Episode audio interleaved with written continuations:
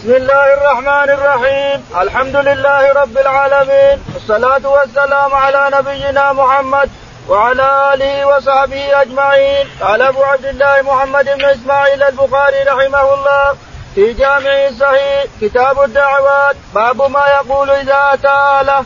قال رحمه الله حدثنا عثمان بن أبي شيبة قال حدثنا جرير عن منصور عن سالم عن كريب عن ابن عباس رضي الله عنهما قال قال النبي صلى الله عليه وسلم لو أن أحدهم إذا إذا أراد أن يأتي أهله قال بسم الله اللهم جنبنا الشيطان وجنب الشيطان ما رزقتنا فإنه إن يقدر بينهما ولد في ذلك لم يضره شيطان أبدا. بسم الله الرحمن الرحيم الحمد لله رب العالمين صلى الله على نبينا محمد وعلى آله وصحبه أجمعين. يقول الإمام الحافظ أبو عبد الله البخاري رحمه الله في صحيحه ونحن لا نزال في الأدعية. يقول رحمه الله باب باب ما يقول إذا ما يقول الإنسان إذا أراد أن يأتي أهله يعني قبل أن يلم بهم. لأنه يعني إذا لم بهم ما يجوز تتنحى عنه الملائكة ولا تكتب. إذا ألم بأهله.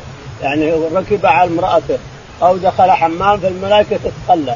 تبعد عنه حتى يتكلم. فإن تكلم أرغمهم أن يكتبوه. فلا يتكلم لكن الكلام هذا والدعاء هذا قبل أن يأتي أهله قبل أن يقرب أهله. يعني عندما يركب على امرأته قبل أن يركب أو عند ركوبه حينئذ يقول الدعاء هذا لأن الملائكة تكتب الدعاء فيقول البخاري رحمه الله حدثنا عثمان بن أبي شيبة. عثمان بن أبي شيبة. قال حدثنا جرير. جرير. قال حدثنا منصور. منصور. قال عن سالم. عن سالم. نعم. عن كريب عن كريب عن ابن عباس رضي الله عنه. ابن عباس رضي الله تعالى عنهما أن النبي عليه الصلاة والسلام قال من أرى إذا أراد الإنسان يأتي أهله فليقل اللهم إذا قال اللهم جنبنا الشيطان وجنب الشيطان ما رزقتنا فإنه يكتب بينهما أو يقدر بينهما ولد لا يضره الشيطان أبدا. إذا تعوذ من الشيطان كلما أراد أن يأتي امرأته فإنه يقول هذا الدعاء. كلما أراد أن يأتيها كلما أراد أن يركبها يتكلم بهذا الدعاء. اللهم جنبنا الشيطان وجنب الشيطان ما رزقتنا. ثم يتكلم يتصل بأهله. حينئذ لا يضره الشيطان أبدا. إذا قدر ولد إذا قدر بينهم ولد وقد قال هذا الدعاء فإنه لا يضره الشيطان أبدا. باب قول النبي صلى الله عليه وسلم ربنا آتنا في الدنيا حسنة. قال رحمه الله حدثنا مسدد. قال حدثنا عبد الوارث. عن عبد العزيز عن أنس قال كان أكثر دعاء النبي صلى الله عليه وسلم اللهم آتنا في الدنيا حسنة وفي الآخرة حسنة وقنا عذاب النار. يقول البخاري رحمه الله باب باب قول النبي صلى الله عليه وسلم عليه الصلاة والسلام ربنا آتنا في الدنيا حسنة وفي الآخرة حسنة وقنا عذاب النار. يقول البخاري رحمه الله حدثنا مسدد.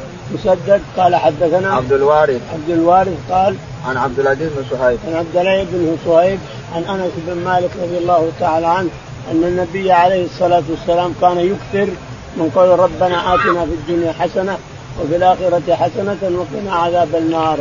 لأن الله ذم الذين لا يقولون ربنا آتنا في الدنيا حسنة. يقولون ربنا آتنا في الدنيا حسنة ويسكتون بس. يعني ما يقول حسنة الآخرة. فذمهم رب العالمين تعالى وتقدس. فلا فلا بد من إكمالها. ربنا آتنا في الدنيا حسنة وفي الآخرة حسنة وقنا عذاب النار. كان يكثر أن يقولها لأنه سمع بعض المشركين يكرهون أن يكملوها فأكملها الرسول عليه الصلاة والسلام وصارت سنة إلى يوم القيامة. فصارت في اخر دعائك في الصلاة ربنا آتنا في الدنيا حسنة وفي الآخرة حسنة وقنا عذاب النار ولا تتوقف على الصلاة. تقول الإنسان وأنت ماشي وأنت جالس وأنت على على ظهرك وأنت كذا تقولها في أي حالة من الحالات.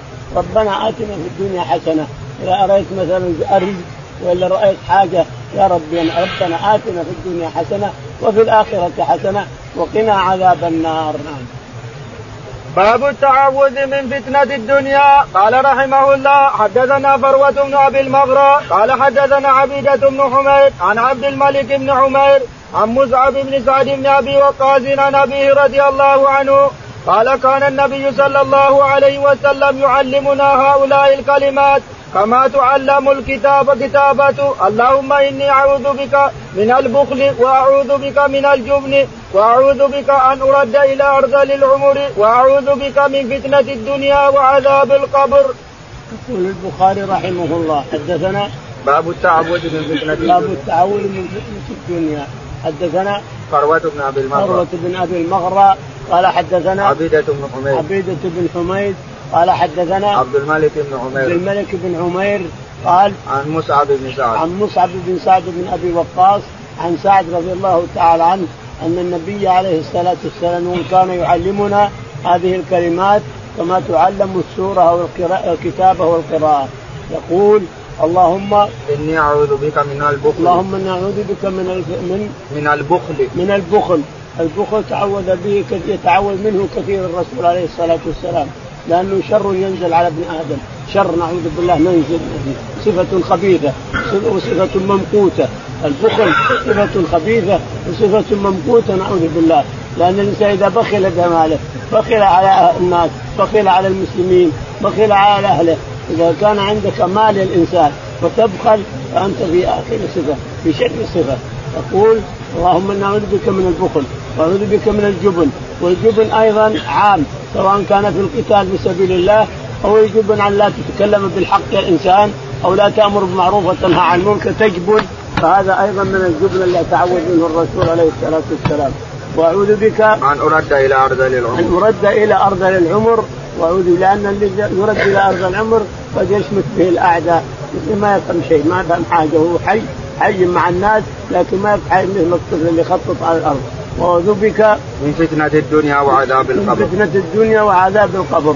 أعوذ بك من فتنة الدنيا وأعوذ بك من عذاب القبر. نعم. باب تكرير الدعاء. قال رحمه الله حدثنا إبراهيم بن المنذر. قال حدثنا أنس بن عياض عن هشام عن ابيه عن عائشة رضي الله عنها أن رسول الله صلى الله عليه وسلم طب حتى إنه ليخيل إليه أنه قد صنع الشيء وما صنعه وإنه دعا ربه. ثم قال أشعرت أن الله أفتاني فيما استفتيته. فقالت عائشة فما ذاك يا رسول الله؟ قال جاءني رجلان فجلس أحدهما عند رأسي والآخر عند رجلي. فقال أحدهما لصاحبه ما وجع الرجل؟ قال مطبوب. قال من طبه؟ قال لبيد بن العسم قال فبي قال في ماذا؟ قال في مشت ومشاطة وجف طلعة قال فأين هو؟ قال في دروان ودروان بئر في بني زريق قالت فأتاها رسول الله صلى الله عليه وسلم. ثم رجع إلى ثم رجع إلى عائشة. فقال والله لك أن معها نقعة الحناء ولك أن نقلها رؤوس الشياطين. قالت فأتى, فأتى رسول الله صلى الله عليه وسلم. فأخبرها عن بئر فأخبرها عن البئر فقلت يا رسول الله فهلا أخرجته؟ قال أما أما أنا فقد شفاني الله وكرهت أن أثير على الناس شرا. زاد عيسى بن يونس والليث بن سعد عن هشام عن أبي عن عائشة قالت سهر النبي صلى الله عليه وسلم فدعا ودعا وساق الحديث. يقول البخاري رحمه الله باب تكرير الدعاء. باب تكرير الدعاء. إذا ابتلي الإنسان بالبلوى فإنه يكرر الدعاء فربنا يستجيب له تعالى وتقدم. كرر الدعاء كرر. تعوذ من من الكرب والهم والغم ومن السحر ومن غير السحر ومن كل بلاء. تعوذ من كل بلاء في الدنيا. تعوذ وكرر لأن الله يكفيك إن كان أصابك مرض يشفيك الله وإلا فإنه يقيك الإنسان شر الشرور يقيك ربك شر ما تعودت منه الإنسان. إذا كررت الدعاء فإن الله يستجيب تعالى وتقدم. فإنه هو الرؤوف الرحيم. هو المتصف بالرؤوف الرحيم. المستجيب الدعوات سبحانه وبحمده.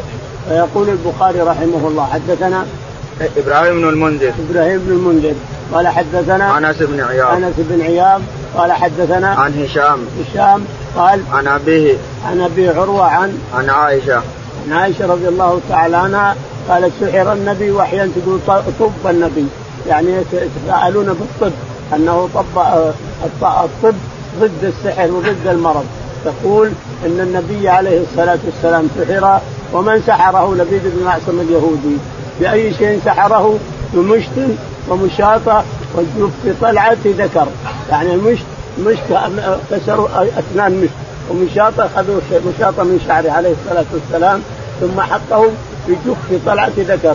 كسر الجف في الطلعه الجف الكافور اللي يطلع تو طالع من النخلة.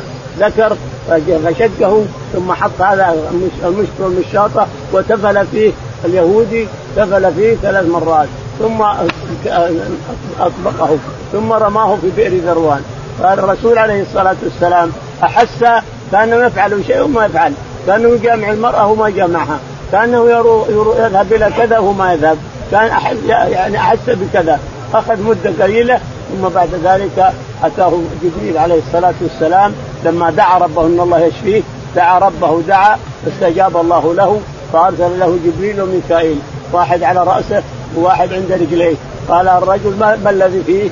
قال مطبوب يعني مسحور. من سحره؟ لبيد بن الأعصم. بما سحره بمشت ومشاطه وجف طلعة ذكر.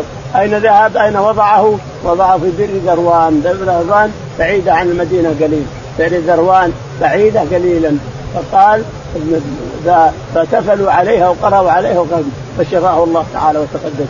الملائكة دعوا عليه فدعا له فشفاه الله تعالى وتقدس. معنى هذا أن السحر حق وأنه يصيب كل أحد.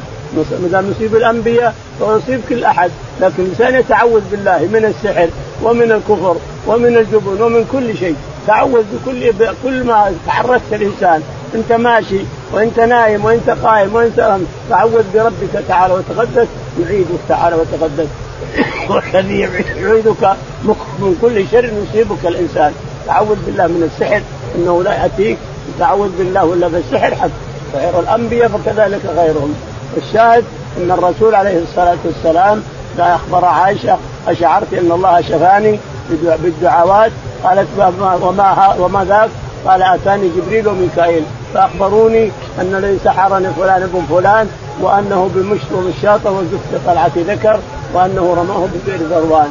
فذهب عليه الصلاة والسلام إلى بئر ذروان فوجد ماءها كأنه نقاعة الحنة اصفر أصفر كريه. وجد طلعها كأنه رؤوس الشياطين نخلها كأنه رؤوس الشياطين مغضوب عليها ومقلوبة. قالت لما لا أخرجت المشط والمشاط هذا قال أنا عافاني الله أما أنا فقد شفاني الله ولا, ولا أريد أن يثير على الناس شرا. لو أخرجه أثار على الناس شر لا شك حصل فتنة حصل شر. لكن كتمه بالماء وإغراقه بالماء أحسن إلى آخره. شفاه الله الحمد لله. باب الدعاء على المشركين. وقال ابن مسعود قال النبي صلى الله عليه وسلم اللهم اعني عليهم بسبع كسبع يوسف. وقال اللهم عليك بأبي جهل. وقال ابن عمر دعا النبي صلى الله عليه وسلم في الصلاة اللهم العن فلانا وفلانا حتى أنزل الله عز وجل ليس لك من الأمر شيء. قال رحمه الله حدثنا ابن سلام قال أخبرنا وكيع عن ابن أبي خالد قال سمعت ابن أبي أوفى رضي الله عنهما قال دعا رسول الله صلى الله عليه وسلم على الأحزاب فقال اللهم منزل الكتاب سريع الحساب اهزم اهزم الأحزاب اهزمهم وزلزلهم. يقول البخاري رحمه الله باب باب الدعاء على المشركين على المشركين باب الدعاء على المشركين في السنين كسن يوسف وأصابتهم السنين. أصابهم سنتين ثم اشتكوا إلى النبي عليه الصلاة والسلام قبل أن يهاجر. وكان خلف بين الركنين. فقالوا له أنت أهلكت أهلكت الكبار بالسيف والآن تبي تهلك الصغار بالجوع. فأرحمهم. أنت صاحب رحمة أرحمهم. فدعا لهم بالفرج. دعا لهم عليه الصلاة والسلام بالفرج. لكن هل آمنوا؟ ما آمنوا. هو مثل بني إسرائيل مع موسى. يا موسى ادع لنا نتبعك ونؤمن بك ثم إذا كشف ربنا عنهم رجعوا على ما كانوا عليه. وهكذا المشركين كلما دعا الرسول عليه الصلاة والسلام وانزاحت عنهم الشدة رجعوا إلى ما كانوا عليه من الكفر بالله وبرسوله. يقول نعم. وقال ابن مسعود اللهم عليك بأبي جهل. وقال ابن مسعود إن النبي عليه الصلاة والسلام قال عليك بأبي جهل وعليك بالمشركين كافة. اللهم زلزل أقدامهم وأهزمهم إلى آخره. ودعا لاناس كانوا يعذبون هنا. ودعوا لاناس كانوا دعا على أناس وسماهم. فقال الله تعالى وتقدس ليس لك من الأمر شيء. تدعي على الحارث بن هشام وعلى سهيل بن عمرو وعلى حكيم بن حزام. تدعي عليهم ليس لك من الأمر شيء. قد نهديهم. من يدري قد نهديهم. لا تدع عليهم. امرنا أمرهم بيدنا نحن ما هو بيدك. أرسلت للدعوة فقط. ادعوهم إلينا. ونحن اللي نهدي ونحن اللي ما نهدي. نحن اللي بيدنا تصريف السماوات والأرض. فلا تدع عليهم. لا تدع عليهم بهذا الشيء بشكل بالشكل الشخصي فهداهم الله تعالى وتقدم. الحارث بن هشام رضي الله عنه كانت الرايات ترفرف فوق رأسه يفتح ديار بكر وأرض الرعيم من من الموصل. ديار بكر بجميعها وديار ربيعة فتحها الحارث بن هشام رضي الله عنه. مع أن الرسول دعا عليه. ليس لك من الأمر شيء. وسهيل بن عمرو ثبت الله أهل مكة بكلمة قالها رضي الله عنه وارضاه والحكيم بن حزام كما صفوان بن أمية. نعم. صفوان بن أمية. صفوان بن أمية حصل ما حصل إلى آخره. فالشاهد إن الثلاثة أسلموا وربنا لامه. قال ليس لك من الأمر شيء. لا تدع عليهم. فإن الهداية بيدنا نحن. فاترك الدعاء عليهم إلى آخره. ليس لك من الأمر شيء. نعم. قال حدثنا محمد بن سلام. يقول البخاري حدثنا محمد, محمد بن, بن سلام.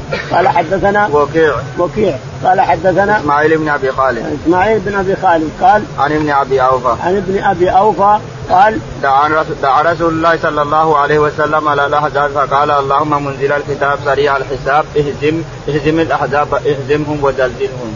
يقول الرسول عليه الصلاة والسلام دعا على المشركين الأحزاب المشركين. فدعا على الأحزاب قال اللهم اهزم الأحزاب وزلزل أقدامهم يا رب العالمين. زلزلهم الله. زلزلهم رب العالمين يوم بدر ويوم أحد. إلى آخره. نعم. قال رحمه الله حدثنا معاذ بن فضالة قال حدثنا هشام عن يحيى عن أبي سلمة عن أبي هريرة أن النبي صلى الله عليه وسلم كان إذا قال سمع الله لمن حمده في الركعه الاخره من صلاة العشاء قنات اللهم انجي عياش بن ألو... عياش بن ربيعة اللهم انجي الوليد بن الوليد اللهم انجي سلمة بن هشام اللهم انجي اللهم انجي المستضعفين من المؤمنين اللهم اشدد وطاعتك على مضر. اللهم اجعلها سنين كسن يوسف.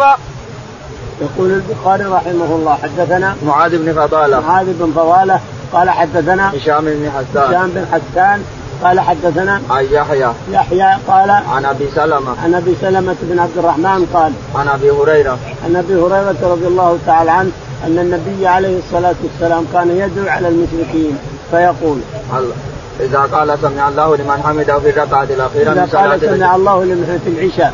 إذا قال سمع الله لمن حمده في الركعة الثانية من الركوع دعا على هؤلاء وهؤلاء عند وقفا وكذلك في الفجر. كان يدعو عليهم في العشاء وكان يدعو في الفجر إذا رفع رأسه من الركوع من الركعة الثانية. دعا عليهم اللهم انجي الوليد بن الوليد اللهم انجي ربيعة اللهم انجي عياش بن ربيعة. بن أبي ربيعة ثلاث أنفار كان يدعو لهم بالنجاة لأنهم يعذبون. اللهم اشد وطأتك على مضر. يعني أهل أهل أهل مكة جميعهم قبائل جميع القبائل ترجع إلى مضر. مضر هو ابو أبو العرب. مضر هو أبو العرب. فيدعو على مضر. يعني قبائل قبائل قريش بكاملها.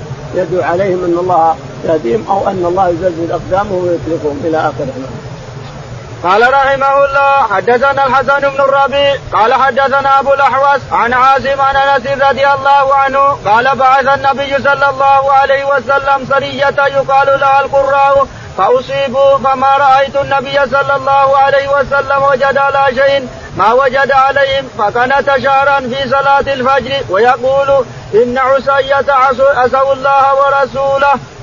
يقول البخاري رحمه الله حدثنا الحسن بن الربيع. الحسن بن الربيع قال حدثنا أبو الأحوص. أبو الأحوص سلام قال حدثنا عن عاصم بن سليمان. عن عاصم قال عن عن أنس.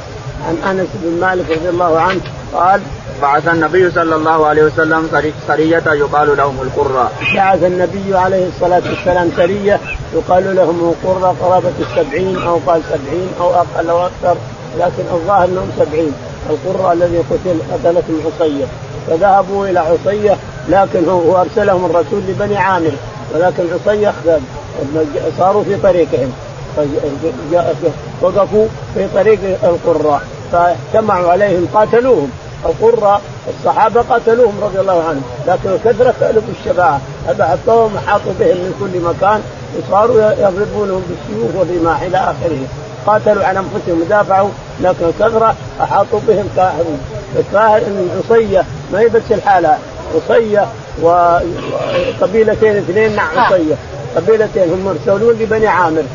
فصاروا في طريقهم قبل أن يصلوا بني عامر. فقتلوا القرة رضي الله عنهم وأرضاهم. فما وجد أكثر من وجده على هؤلاء القرة. فكان يدعو على عصية ومن معها من القبائل اللي ساعدتها اللهم عليك بعصية فإنهم عصوا الله ورسوله. قبيلة كبيرة عصية نعم.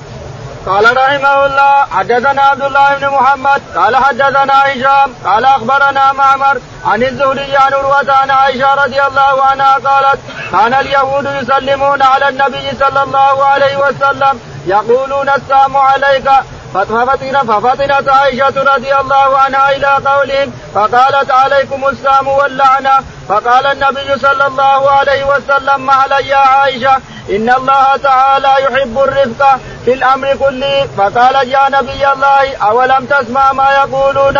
قال أولم تسمعي ما أولم تسمعي أرد أرد ذلك عليهم؟ فأقول وعليكم. يقول البخاري رحمه الله. حدثنا عبد الله بن محمد. عبد الله بن محمد. قال حدثنا هشام بن يوسف. هشام بن يوسف. قال حدثنا معمر. معمر. قال الزهري. قال حدثنا الزهري. قال عن عروة عن عائشة. عن عروة بن الزبير عن عائشة رضي الله تعالى عنها أن النبي عليه الصلاة والسلام يأتونه اليهود فيقولون السام عليك يعني الموت. السام اسم من أسماء الموت. السام عليك يا محمد. فيقول وعليكم. ما يرد يقول وعليكم بس فعائشة رضي الله عنها فطنت الكلمة وسبتهم قالت عليكم السام واللعنة؟ قال مهلا يا عائشة فإن الرفق لا يكون في شيء إلا زانة ولا ينزع من شيء إلا شانة. قال اما تسمع ما قالوا قال لما تسمع ما قلت لهم إنهم لا يستجاب لهم. نحن يستجاب لنا وهم لا يستجاب لهم يقولون السلام عليكم وقل وعليكم. فيستجيب الله لنا ولا يستجيب لهم.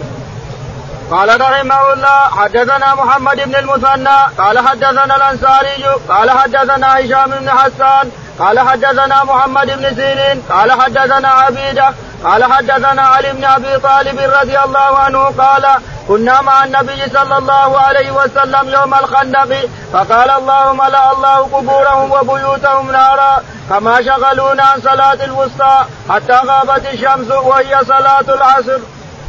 يقول البخاري رحمه الله حدثنا محمد بن المثنى. محمد بن المثنى قال حدثنا الأنصاري. الأنصاري عبد الله قال حدثنا هشام بن حسان. هشام بن حسان قال عن محمد بن سيرين. عن محمد بن سيرين عن عن عبيدة السلماني. عن عبيدة السلماني عن علي بن أبي طالب رضي الله تعالى عنه أن النبي عليه الصلاة والسلام لما اتى الأحزاب ورجعوا زلزل الله أقدامهم وجاءتهم الرياح وسالت قدورهم وسألت قيامهم ورجعوا خائبين أمره الله أن يقاتل بني قريظة لأنهم نقضوا عهد الرسول عليه الصلاة والسلام. كان عندهم عهد من للرسول عليه الصلاة والسلام أنهم لا يحاربون مع أحد اطلاقا وأنهم تصالحوا وياهم لكن نقضوا العهد لما رأوا الأحزاب 4000 وأكثر من المرتزقة اتوا إلى الأحزاب وحفر الرسول كما كما معروف القصة حفر الخندق ولا قدروا يخطفون الخندق وجاءتهم الرياح وجاءتهم الامطار وشالت خيامهم وشالت قدورهم ونزعتها في بلاد أخرى. وذهب أبو سفيان يركب فركب على ظهر الجمل جعل وجهه على ظهر على قفا الجمل من الرعب والخوف. ركب فيه فيه حاج ما حصل يرجع. ركب على منكس وجهه على ظهر الجمل. فالشاهد أن الرسول عليه الصلاة والسلام لما انتهى من الأحزاب وصفت الأرض منهم فأتاه جبريل ودخل عليه الصلاة والسلام يغسل السيف أو شيء من هذا. قال على أنت دخلت؟ الملائكة ما دخلت الملائكة سيوفهم مشكورة. اذهب إلى بني قريظة. لأنهم نقضوا العهد. فذهب الرسول عليه الصلاة والسلام إلى بني قريظة ولكنه لم يصلي العصر. نسي العصر. ما ما ما, ما ذكر. فلما جاء عمر رضي الله تعالى قال يا رسول أنا ما صليت العصر. أنا ما صليت المغرب. الشمس غابت الحين. قال ما صلينا العصر. إنه وصلنا هنا ما صلينا العصر والمغرب. فأمر بلال يؤذن فأذن فصلى العصر ثم صلى المغرب. معنى هذا أنه لابد من الترتيب. لازم الأوقات ترتبها الإنسان. إذا احسست فوات فوات عليك فأنت ترتبها. الظهر ثم العصر ثم المغرب ثم العشاء ثم الفجر. لازم هذا الترتيب. لا يمكن تقدم شيء على شيء ما تصح الصلاة. الرسول عليه الصلاة والسلام أمر بلال أن يؤذن فأذن وأقام للعصر فصلوا العصر ثم أقام للمغرب فصلوا المغرب بهذا الترتيب ونزلت بني قريظة على حكم سعد كما مر كما هو معروف في السيرة والمغازي على حكم سعد بن معاذ رضي الله تعالى نعم. باب الدعاء للمشركين قال رحمه الله حدثنا علي قال حدثنا سفيان قال حدثنا أبو الزناد عن الأعرج عن أبي هريرة رضي الله عنه قال قدمت قدمت طفيل بن عمرو وعلى رسول الله صلى الله عليه وسلم فقال يا رسول الله إن دوسا قد عست وأبت فادعوا الله عليها فظن الناس أنه قد يدعو عليهم فقال اللهم اهدي دوسا وأتي بهم جميعا. يقول البخاري رحمه الله باب الدعاء للمشركين للمشركين بالهداية حدثنا علي بن عبد الله. علي بن عبد الله المديني. قال حدثنا سفيان بن عيينة. سفيان بن عيينة. قال حدثنا أبو الزناد. أبو الزناد عبد الله. قال حدثنا عن عن الأعرج. عن الأعرج عبد الرحمن. قال حدثنا أبو هريرة. رضي الله تعالى عنه أن النبي عليه الصلاة والسلام أتاه الطفيل بن عمرو الدوسي فقال يا رسول الله دعوت دوس دعوتهم فعصوا ادعوا الله عليهم. ادعوا الله عليهم إن الله يهلكهم. وظن الناس أن الرسول عليه الصلاة والسلام سيدعو عليهم. فرفع يديه عليه الصلاة والسلام فقال اللهم اهد دوس واتي بهم. اللهم اهد دوس واتي بهم. ثلاث مرات. هدى الله دوس وجو مسلمين. هدى الله دوس وجو مسلمين بكاملهم. هدى الله تعالى قبيلة دوس الكاملة وهداهم الإسلام بدعوة الرسول عليه الصلاة والسلام. اللهم اهد دوس وأتي بهم. فهداهم الله وأتى بهم استجابة لدعوة الرسول. نعم. باب قول النبي صلى الله عليه وسلم اللهم اغفر لي ما قدمت وما أخرت. قال رحمه الله حدثنا محمد بن المثنى. قال حدثنا محمد بن بشار. قال حدثنا عبد الملك بن الصباح. قال حدثنا شعبة. عن أبي إسحاق عن ابن أبي موسى عن ابيه عن النبي صلى الله عليه وسلم أنه كان يدعو بهذا الدعاء رب اغفر لي خطيئتي وجهلي وإسرافي في أمري كله وما أنت أعلم به مني اللهم اغفر لي خطاياي وعمدي وجهلي وعدلي وكل ذلك عندي. اللهم اغفر لي ما قدمت وما أخرت وما أسررت وما أعلنت. أنت المقدم وأنت المؤخر وأنت على كل شيء قدير. وقال عبيد الله بن معاذ قال وحدثنا أبي قال حدثنا شوبة عن أبي إسحاق عن أبي بردة بن أبي موسى عن أبيه عن النبي صلى الله عليه وسلم. يقول البخاري رحمه الله باب الدعاء. باب قول النبي صلى الله عليه وسلم اللهم اغفر لي ما قدمت وما أخرت. باب قول النبي عليه الصلاة والسلام اللهم اغفر لي ما قدمت وما أخرت وما أسررت وما أعلنت وما أنت أعلم به مني أنت المقدم وأنت المؤخر لا إله إلا أنت. هذه من الأدعية اللي كان الرسول يلازمها عليه الصلاة والسلام. يقول البخاري حدثنا محمد بن بشار. محمد بن بشار بن دار قال حدثنا عبد الملك. عبد الملك. قال حدثنا شعبة. شعبة. قال حدثنا أبو إسحاق. أبو إسحاق السبيعي قال عن عن عن أبي بردة. عن أبي بردة بن أبي موسى قال عن أبيه أبي موسى. عن أبيه أبو موسى الأشعري رضي الله تعالى عنه أن النبي عليه الصلاة والسلام كان يدعو اللهم اغفر لي ما قدمت وما أخرت وما أسررت وما أعلنت وما أنت أعلم به مني. أنت المقدم وأنت المؤخر. لا إله إلا أنت. هذا آخرها وعند البخاري اقتصر على الوسط. قال رحمه الله حدثنا محمد بن المثنى قال حدثنا عبيد الله بن عبد المجيد قال حدثنا إسرائيل قال حدثنا أبو إسحاق عن أبي بكر بن أبي موسى وأبي بردة أحسبه عن أبي موسى الأشعري عن النبي صلى الله عليه وسلم أنه كان يدعو اللهم اغفر لي خطيئتي وجعلي وإسرافي في أمري وما أنت أعلم به مني اللهم اغفر لي حزلي وجدي وخطئي وخطئي وعمدي وكل ذلك عندي. يقول البخاري رحمه الله باب تابع للباب تابع حدثنا محمد بن المثنى. محمد بن المثنى. قال حدثنا عبيد الله بن عبد المجيد. عبيد الله بن عبد المجيد. قال حدثنا إسرائيل. إسرائيل بن أبي إسحاق قال عن أبي إسحاق. عن أبي إسحاق السبيعي قال عن أبي بكر بن أبي موسى. عن أبي بكر بن أبي موسى. قال حدثنا وأبي بردة. وأبي بردة. قال حدثنا عن أبي موسى الأشعري. عن أبي موسى الأشعري رضي الله تعالى عنه أن النبي عليه الصلاة والسلام كان يدعو بهذا الدعاء. اللهم اللهم اغفر لي خطيئتي. اللهم اغفر خطيئتي وعمدي وجهلي. وجهلي. اللهم اغفر لي خطيئتي وعمدي وجهلي. وإسرافي. وإسرافي في أمري. اللهم وما أنت أعلم به وما مني. انت أعلم به مني. أنت المقدم وأنت المؤخر. لا إله إلا أنت. قال الله اللهم اغفر لي هزلي وجدي. اللهم اغفر لي هزلي وجدي. نعم. وخطئي وعمدي. وخطئي وعمدي. وكل ذلك من عندي. وكل ذلك عندي يا ربي. نعم. باب الدعاء في الساعة التي في يوم الجمعة. قال رحمه الله حدثنا مسدد قال حدثنا إسماعيل بن إبراهيم قال أخبرنا أيوب محمد عن أبي هريرة رضي الله عنه قال قال أبو القاسم صلى الله عليه وسلم في الجمعة ساعة لا يوافقها مسلم وهو قائم يصلي يسأل يسأل خيرا إلا أعطاه إلا أعطاه وقال بيده قلنا يقللها يزحدها. يقول البخاري رحمه الله باب باب في الجمعة ساعة لا يوافقها عبد مسلم يدعو إلا استجيب له. لا يوافقها عبد مسلم يصلي ويدعو إلا استجيب له. يعني إنها خاصة من الساعات الجمعة. فالجمعة خمس ساعات في المساجد. ثم تكتب من يدخل من يدخل الأول. يكتبون الأول فالأول.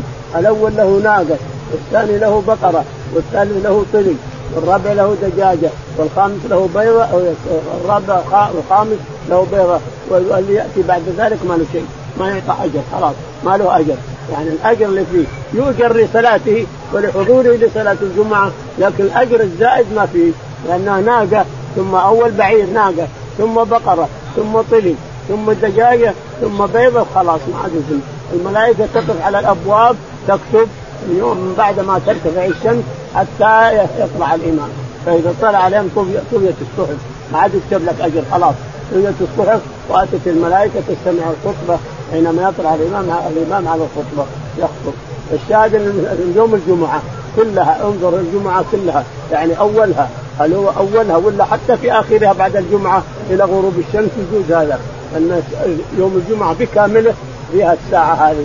أي ساعة توافقها مسلم يصلي ويدعو السجود له باب قول النبي صلى الله عليه وسلم يستجاب لنا باليهود ولا يستجاب لهم فينا. قال رحمه الله حدثنا قتيبة بن سعيد قال حدثنا عبد الوهاب قال حدثنا أيوب عن ابن أبي مليكة عن عائشة رضي الله عنها أن أن اليهود آتوا النبي صلى الله عليه وسلم فقالوا السلام عليك قال وعليكم فقالت عائشة السلام عليكم ولعنكم الله وغضب عليكم. فقال رسول الله صلى الله عليه وسلم مهلا يا عائشة؟ عليك بالرفق وإياك والعنف أو الفحش؟ قالت أولم تسمع ما قالوا؟ قال ولم تسمعي ما قلت؟ رددت عليهم فيستجاب لي فيهم ولا يستجاب لهم في يقول البخاري رحمه الله باب باب قول النبي عليه الصلاة والسلام إنه يستجاب لنا في اليهود ولا يستجاب لهم. حدثنا قتيبة بن سعيد. قتيبة بن سعيد الثقفي.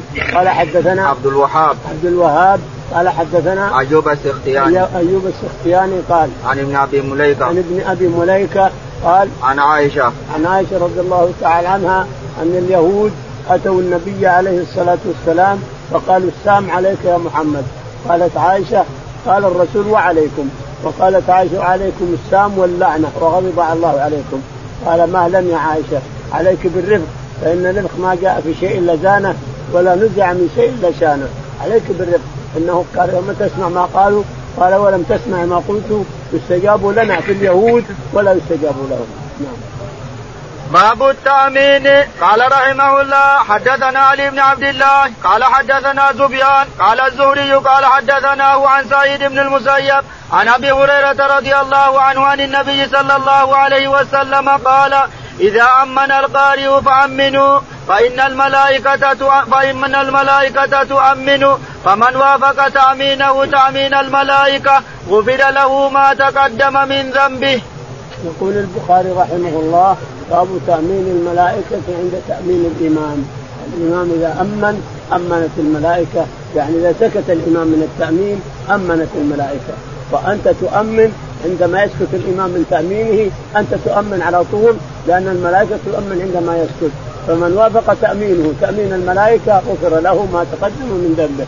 يقول البخاري حدثنا علي بن عبد الله. علي بن عبد الله قال حدثنا سفيان بن عيينة. سفيان بن عيينة قال حدثنا الزهري. الزهري قال عن سعيد بن المسيب. عن سعيد بن المسيب قال عن أبي هريرة. عن أبي هريرة رضي الله تعالى عنه أن النبي عليه الصلاة والسلام قال من وافق تأمينه تأمين الإمام تأمين الملائكة من وافق تأمينه تأمين الملائكة غفر له ما تقدم من ذنبه والملائكة لا تؤمن حتى يسكت الإمام.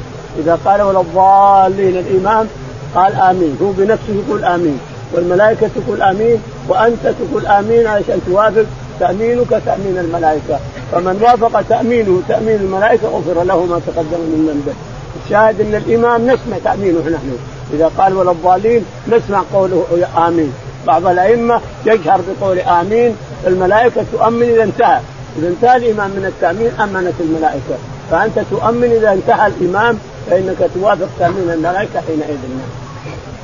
باب فضل التحليل. قال رحمه الله حدثنا عبد الله بن مسلمة عن مالك عن سمي عن أبي صالح عن أبي هريرة رضي الله عنه أن رسول الله صلى الله عليه وسلم قال من قال لا إله إلا الله وحده لا شريك له له الملك وله الحمد وهو على كل شيء قدير في يوم مئة مرة. كانت له عدل عشر رقاب وكتبت له مئة حسنة ومحيت عنه مئة سيئة. وكانت له حرزا من الشيطان يومه ذلك حتى يمسي ولم يأتي أحد بأفضل مما جاء إلا رجل عمل أكثر منه. يقول البخاري رحمه الله باب التهليل يعني لا إله إلا الله. حدثنا قال حدثنا عبد الله بن مسلمة. عبد الله بن مسلمة وقعنبي قال حدثنا عن الامام مالك. الإمام مالك. قال حدثنا عن سمي. سمي مولى أبي بكر بن الحارث. قال حدثنا عن, عن أبي صالح. عن أبي صالح السمان. قال حدثنا أبو هريرة. أبو هريرة رضي الله تعالى عنه أن النبي عليه الصلاة والسلام قال قال لا إله إلا الله وحده لا شريك له له الملك وله الحمد وهو على كل شيء قدير في اليوم مئة مرة كتب له كانت له عدل عدل عشر رقاب عدل عشر رقبات كانت له عدل عشر رقبات يعني كانت كأنه أعتق عشر رقاب. كأنه أعتق عشر رقاب.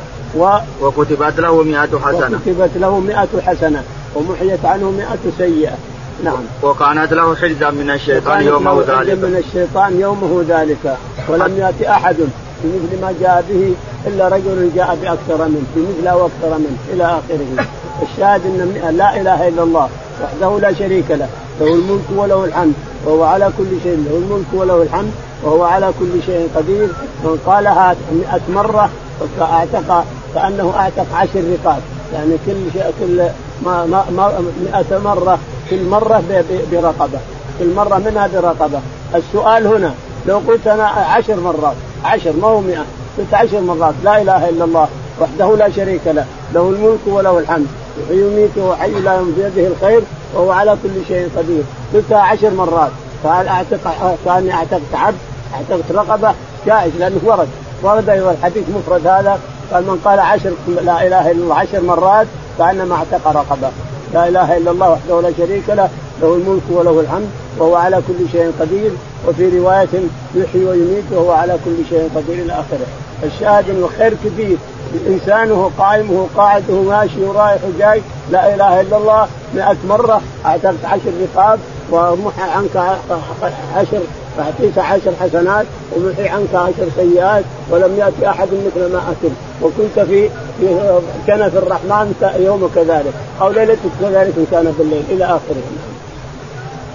قال رحمه الله حدثنا عبد الله بن محمد قال حدثنا عبد الملك بن عمرو قال حدثنا عمر بن أبي زايده عن أبي إسحاق عن عمرو بن ميمون قال من قال عشرا كان كان كمن اعتق رقبه من ولد إسماعيل. قال عمر بن أبي زايده أو حدثنا عبد الله بن أبي السفر عن الشعبي الربيع بن خزيم مثله فقلت للربيع ممن سميته فقال من عمرو بن ميمون فأتيت فأتيت عمرو بن ميمون فقلت ممن سميته؟ فقال من ابن أبي ليلى. فأتيت ابن أبي ليلى فقلت ممن سميته؟ فقال من أبي أيوب الأنصاري يحدثه عن النبي صلى الله عليه وسلم وقال إبراهيم بن يوسف عن ابي عن أبي إسحاق. قال حدثني عمرو بن ميمون عن عبد الرحمن بن أبي ليلى عن أبي أيوب قوله عن النبي صلى الله عليه وسلم وقال وقال موسى قال حدثنا وهيب عن داود عن عامر عن عبد الرحمن بن أبي ليلى عن أبي أيوب عن النبي صلى الله عليه وسلم وقال إسماعيل عن الشعبي عن الربيع قوله وقال آدم حاو حدثنا شعبة؟ قال حدثنا عبد الملك بن ميسرة سميت هلال بن يسار عن الربيع بن خزام وعمرو بن ميمون عن ابن مسعود قوله وقال الأعمش وحسين بن عبد الرحمن عن هلال عن الربيع عن عبد الله قوله وقوله ورواه ورواه أبو محمد الحضرمي عن أبي أيوب عن النبي صلى الله عليه وسلم كان كمن اعتق رقبة من ولد إسماعيل. قال أبو عبد الله والصحيح قول عمرو قول عمرو وقال الحافظ أبو ذر الحروي صوابه عمر وهو ابن أبي زايده قلت وعلى قلت وعلى الصواب ذكره أبو عبد الله البخاري في الأصل. كما تراه كما تراه لا عمرو. يقول البخاري رحمه الله. باب تابع للباب. تابع حدثنا عبد الله بن محمد. عبد الله بن محمد قال حدثنا عبد الملك بن عمرو. عبد الملك بن عمرو قال حدثنا عمر بن أبي زايدة. عمر بن أبي زايدة قال عن أبي إسحاق السبيعي. عن أبي إسحاق السبيعي قال عن عمرو بن ميمون. عن عمرو بن ميمون قال قال ثم ثم ارسل هنا من قال عشرا عشرا كان كمن أعتق رقبة. قال من قال من قال لا إله إلا الله عشرا كان كمن أعتق رقبة. نعم. هنا رفع وقال عمر بن أبي زايدة. وقال عمر بن أبي زايدة عن أبي أيوب حدثنا عبد الله بن أبي السفر حدثنا عبد الله بن أبي السفر عن عن الشعبي. عن الشعبي عامر عن عن أبي عن الربيع بن خثيم عن الربيع بن خثيم قال فقلت للربيع بن خثيم من سميته فقال من عمرو بن أبي ليلى. هنا عمرو بن ميمون. طيب عمرو بن ميمون قال قال ممن سميته من عمرو بن ميمون فأتيت عمرو بن ميمون فقلت ممن سميته فقال من ابن أبي ليلى. يقول إنه أتى عمر بن أبي زايدة فقال له ممن سمعته؟ قال سمعته من عبد الرحمن بن أبي عمرو بن ميمون. ثم أتى عمرو بن ميمون ممن سمعته؟ قال من عبد الرحمن بن أبي ليلى. أنت يا ابن أبي ليلى من سمعته؟ قال سمعته من أبي أيوب الأنصاري رضي الله عنه عن النبي عليه الصلاة والسلام. وقال السند متصل ليس منقطع.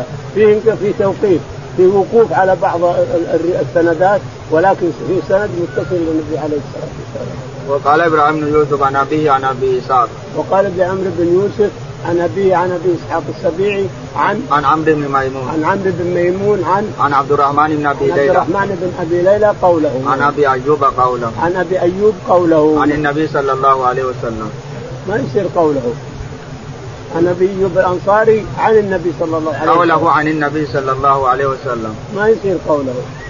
إذا قلنا قوله وقف عليه صار موقوف عليه. هذا مرفوع السند متصل. وقال موسى بن إسماعيل. وقال موسى بن إسماعيل حدثنا؟ وهيب. وهيب. قال حدثنا؟ عن داود بن أبي هند. داود بن أبي هند. عن؟ عن عامر الشعبي. عن عامر الشعبي قال عن عبد الرحمن أبي ليلى. عن عبد الرحمن بن أبي ليلى. عن؟ عن أبي أيوب الأنصاري. عن أبي أيوب الأنصاري. عن النبي عليه الصلاة والسلام. فيه ثلاثة موقوف وقوله وفي سندين متصلة إلى النبي عليه الصلاة والسلام. فالشاهد ان نمسك الاتصال ونترك الموقوف. نعم. وقال آدم بن أبي اياس وقال آدم بن أبي اياس حدثنا شعبة. شعبة. قال حدثنا عبد الملك بن ميسرة. عبد الملك بن ميسرة. قال سميت هلال بن يساب سمعت هلال بن يساب قال عن الربيع بن خثيم. عن الربيع بن خثيم. عن عمرو بن ميمون. عن عمرو بن ميمون. عن ابن مسعود قوله. عن ابن مسعود قوله. نعم هنا قوله. قول ابن مسعود. يعني قال ابن مسعود من قال لا إله إلا عشر مرات كأنما اعتق رقبه لكن القول قول ابن مسعود هذا يستند إلى السندات السابقة. نعم. وقال الأعمش وقال الأعمش وحسين. وقال الأعمش وحسين حدثنا عن هلال عن هلال بن يسار. عن هلال بن يسار قال عن الربيع. عن الربيع قال عن عبد الله قوله. عن عبد الله بن مسعود قوله. نعم. وقال أبو أبو محمد الحضرمي عن أبي أيوب وقال أبو محمد الحضرمي عن أبي أيوب عن عن النبي صلى الله عليه وسلم كان كمن أعتق رقبة. عن النبي عليه الصلاة والسلام ولد إسماعيل. كان كان كمن أعتق رقبة من ولد إسماعيل نسال الله وسلم فضله يعني من قال لا إله إلا الله وحده لا شريك له له الملك وله الحمد يحيي ويميت وهو حي لا يموت بيده الخير وهو على كل شيء قدير عشر مرات فكانما أعتق رقبة من ولد إسماعيل. ولد إسماعيل أفضل العرب. ولد إسماعيل عليه الصلاة والسلام أفضل العرب، جميع العرب أفضلهم أولاد إسماعيل. قال أبو عبد الله والصحيح قول عمرو وقال الحافظ أبو ذر الحروي. وقال أبو عبد الله والصحيح قول عمرو عن أبي ذر الحروي أنه عمر. أنه عمر أنه عمر وكذا أتى في سياق البخاري أنه عمر لا عمر. والله أعلم. اللهم اهدنا فيمن هديت وعافنا فيمن عافيت تولنا فيمن توليت اللهم توفنا مسلمين والحقنا بالصالحين رب العالمين.